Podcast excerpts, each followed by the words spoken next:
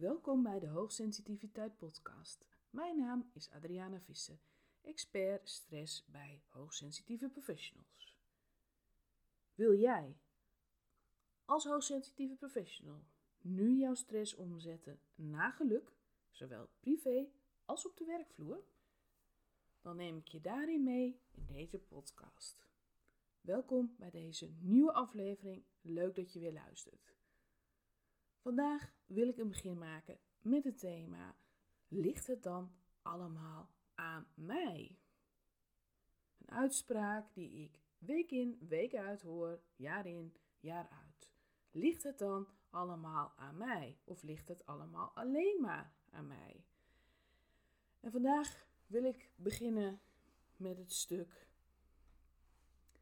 dat ik jou heel vaak uitleg hoe jouw hoogsensitiviteit werkt. Hoe jij anders met dingen om zou kunnen gaan. Wat voor invloed het heeft op stress, overspannenheid, burn-out, maar ook bore-out. Daardoor zou je misschien versterkt kunnen worden in het idee dat het allemaal aan jou ligt. Dat het jouw schuld is dat je bijvoorbeeld ziek thuis zit. Dat het aan jou ligt dat je je kwaliteiten niet kwijt kunt op je werk. Dat het allemaal je eigen verantwoordelijkheid is en dat jij die verantwoordelijkheid zou moeten nemen en dragen. En eigenlijk is het niet zo simpel. Het is veel complexer. Waar het mij om gaat, is dat je altijd invloed hebt op het deel dat over jezelf gaat. Daar heb je invloed op. En daar kijk jij ook naar. Je bent juist extra goed in zelfreflectie.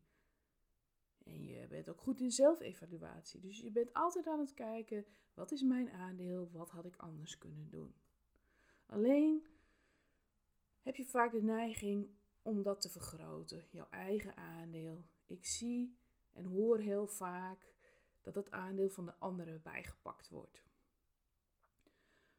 Alsof dat ook allemaal aan jou zou liggen, alsof de ander geen eigen verantwoordelijkheid heeft. Alsof deze niet zijn eigen aandeel heeft. Dus je mag alvast, als je dat nog niet doet, mee beginnen te beseffen dat jij jouw eigen aandeel hebt, jouw eigen verantwoordelijkheid, maar de ander ook zijn of haar eigen aandeel en eigen verantwoordelijkheid heeft. Dat hoef jij niet over te nemen. Dus ga eens voor jezelf na. Neem ik te veel op me? Maak ik mijn eigen aandeel niet te groot? Dus ik moedig je vooral aan, blijf kijken naar je eigen aandeel, maar besef ook dat de ander een eigen aandeel heeft. En dat hoef jij niet op je schouders te nemen. Dat gaat je al schelen als je dat meer loslaat. Van oké, jouw stuk, jouw deel is aan jou. En wat je ermee doet, daar heb ik geen invloed op, maar kan het in ieder geval bij jou laten.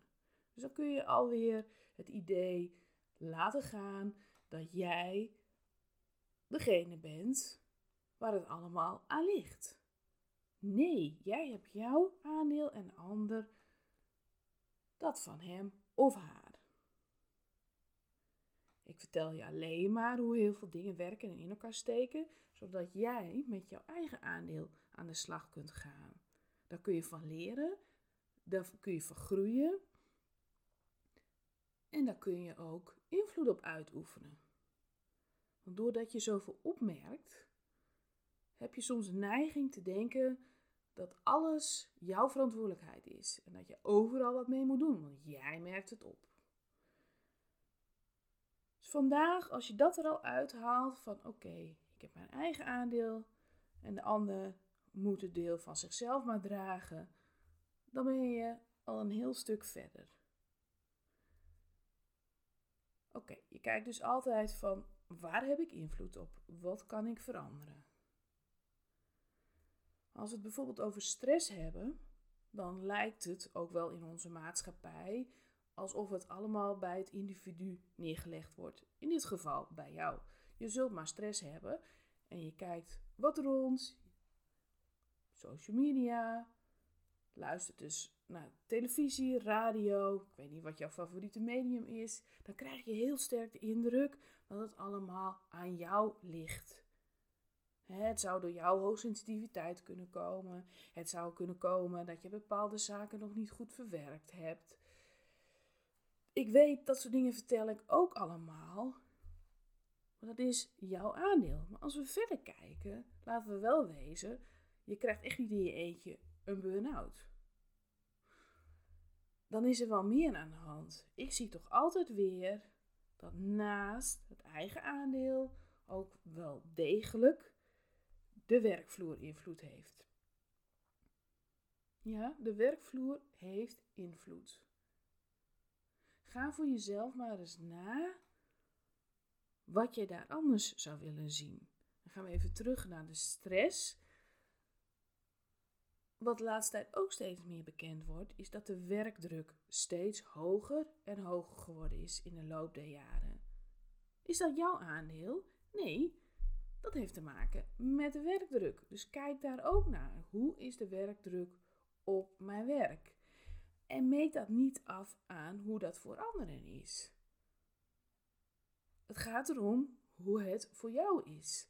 En denk dan ook niet, ja, maar ik heb daar last van omdat ik hoogsensitief ben, dus er mankeert iets aan mij. Nee, jij ervaart werkdruk. Iemand die niet hoogsensitief is, kan ook werkdruk ervaren. Sterker nog, de laatste tijd zijn er allerlei onderzoeken geweest dat de werkdruk voor iedereen veel te hoog geworden is. Nou, toen kwam daarbij ook nog dat er een tekort is aan arbeidskrachten. Nou, je raadt het al. Als je met te weinig mensen hetzelfde werk moet doen, gaat de werkdruk nog meer omhoog. Dus speelde al mee dat je tegenwoordig bijna altijd geacht wordt bereikbaar te zijn. In mijn ogen ronduit belachelijk. Er moet echt wel een scheiding zijn tussen privé en werk wat dat betreft. Speelt nu ook nog eens mee dat men te weinig arbeidskrachten heeft. Dan kun je ook nog eens kritisch kijken naar het feit hoe komt dat dat men te weinig werknemers heeft. Ligt dat aan het bedrijf zelf? Hoe is hun financiële beloning? Hoe is de werksfeer? Je kunt dat terugleggen naar de werkvloer, naar jouw werkgever, dan al bedrijf werkt, hoe je het wil noemen. Maar kijk daar ook kritisch naar. Wat is hun aandeel dat de werkdruk zo hoog wordt? Wat is hun aandeel dat er niet genoeg mensen zijn om te werken? En tuurlijk, als ze ze gewoon niet kunnen krijgen en ze doen echt hun uiterste best en het is een prettige werkplek, dan kun je hen het niet kwalijk nemen. Maar zelfs als het een fijne plek is en als ze hun uiterste best hebben gedaan, dan is het nog steeds niet aan jou om die werkdruk op je te nemen, om die te verlichten. Dat kan niet van je gevraagd worden en dat mag je ook niet van jezelf vragen. Denk erom, als de werkdruk te hoog is, doe wat jij kunt binnen redelijke grenzen. Zorg dat het klopt voor jou. En ik weet dat ik daarmee de verantwoordelijkheid weer deels bij jou leg. Maar dat is nu vooral in dit geval om te kijken: speelt er ook iets op mijn werk waardoor die werkdruk zo hoog wordt? Want dat stuk hoef je niet bij jezelf te zoeken, dat ligt op je werk. Wat ik helaas ook heel vaak hoor, is dat bepaalde werkplekken nou niet bepaald prettig zijn weten onder andere uit onderzoek ook dat kantoortuinen voor niemand echt goed zijn. Slecht voor je concentratie, raakt steeds afgeleid, komt te veel prikkels binnen. Nou, je snapt het wel, als je hoogsensitief bent, komt er nog veel meer binnen en raak je veel sneller overprikkeld. Dan ben je weer geneigd om te denken, ja, het komt door mijn hoogsensitiviteit. Maar heb jij die kantoortuin bedacht en gecreëerd omdat dat financieel destijds handiger bleek te zijn, goedkoper, meer winst op kon leveren enzovoort. Want oh, we kunnen meer mensen in één ruimte proppen, ik zeg het opzettelijk zo, door allemaal werkplekjes te maken en dan in één ruimte.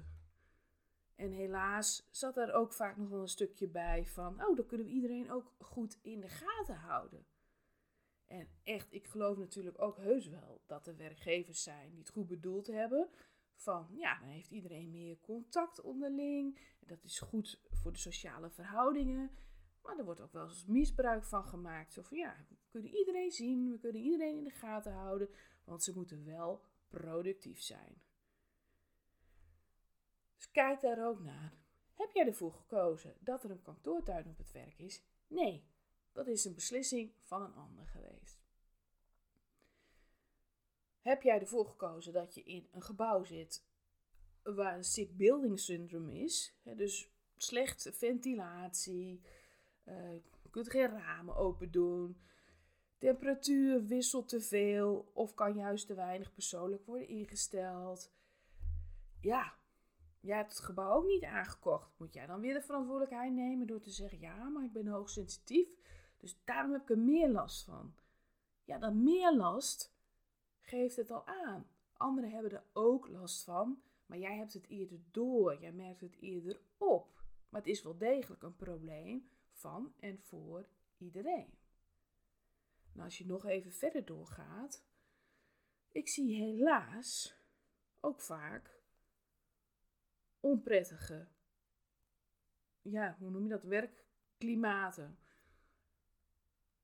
En dat kan variëren van het is niet zo prettig omdat sommige mensen uh, niet echt positief zijn, de kantjes ervan aflopen, tot en met een onveilig gevoel. Ik word regelmatig onderuit gehaald, er wordt geroddeld, er wordt gepest enzovoort. Jij denkt heel vaak weer van ja, het zal wat om hoogsensitiviteit komen, dat ik er te gevoelig voor ben. Maar de verhalen die ik regelmatig hoor, dan denk ik ja, maar dat zou niemand prettig vinden. Als mensen jou constant dwarsbomen, onderuit halen, achter je rug om over je kletsen. Je niet willen ondersteunen, niet willen helpen, terwijl het wel hun taken zijn. Ja, dan kun je het wel bij jezelf zoeken, maar kijk ook eens om je heen. Dus ligt het dan allemaal alleen aan jou? Nee, natuurlijk niet. En dat weet jij ook wel. Alleen, ik merk toch heel vaak de tendens op van, nou, ik zoek het bij mezelf. En ik weet dat ik daar deels aan meewerk door je aan te geven wat jouw aandeel is. Maar hou dat ook bij jouw aandeel en kijk dan wat is het aandeel van anderen? Wat is het aandeel van mijn collega's? Of bijvoorbeeld wat is het aandeel van mijn baas? Teamleider of hoe je het allemaal maar wilt noemen. Want het scheelt nogal als jij gezien wordt, gehoord wordt, gewaardeerd wordt. Dan kan de werkdruk hoger zijn, maar dan voel je je wel prettiger dan dat de werkdruk hoger is en jij je niet gezien en gehoord voelt en gewaardeerd. Dan sowieso moet die werkdruk omlaag. Maar het is allemaal een soort balans. En hoe meer het allemaal aan de negatieve kant komt, hoe meer die balans doorslaat. Hoe meer druk er ontstaat en hoe meer stress er ontstaat.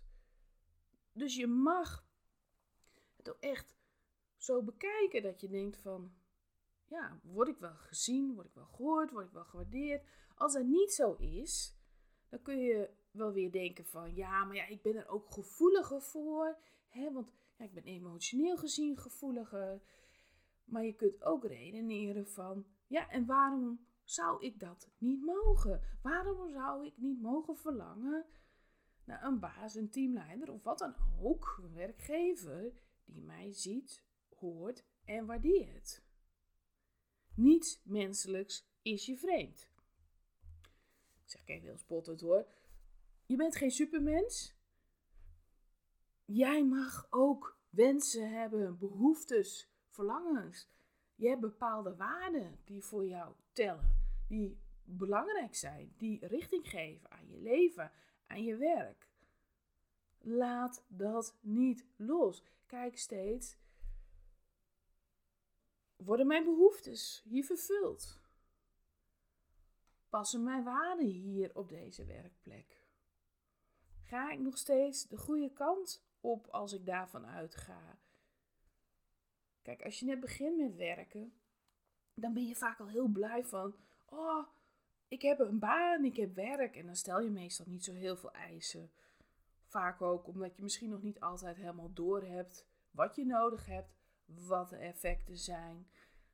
Gaandeweg kom je daar vaak achter, verderop in je loopbaan. Als je terugkijkt, dan zie je van dit was niet wenselijk en dit wil ik voortaan wel.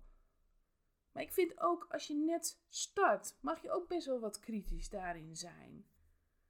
Je hebt ook een hele sterke intuïtie, dus je kunt ook voelen, voelt dit bedrijf, deze instelling, deze school, dit ziekenhuis waar je ook maar werkt of gaat werken, voelt dat goed voor mij?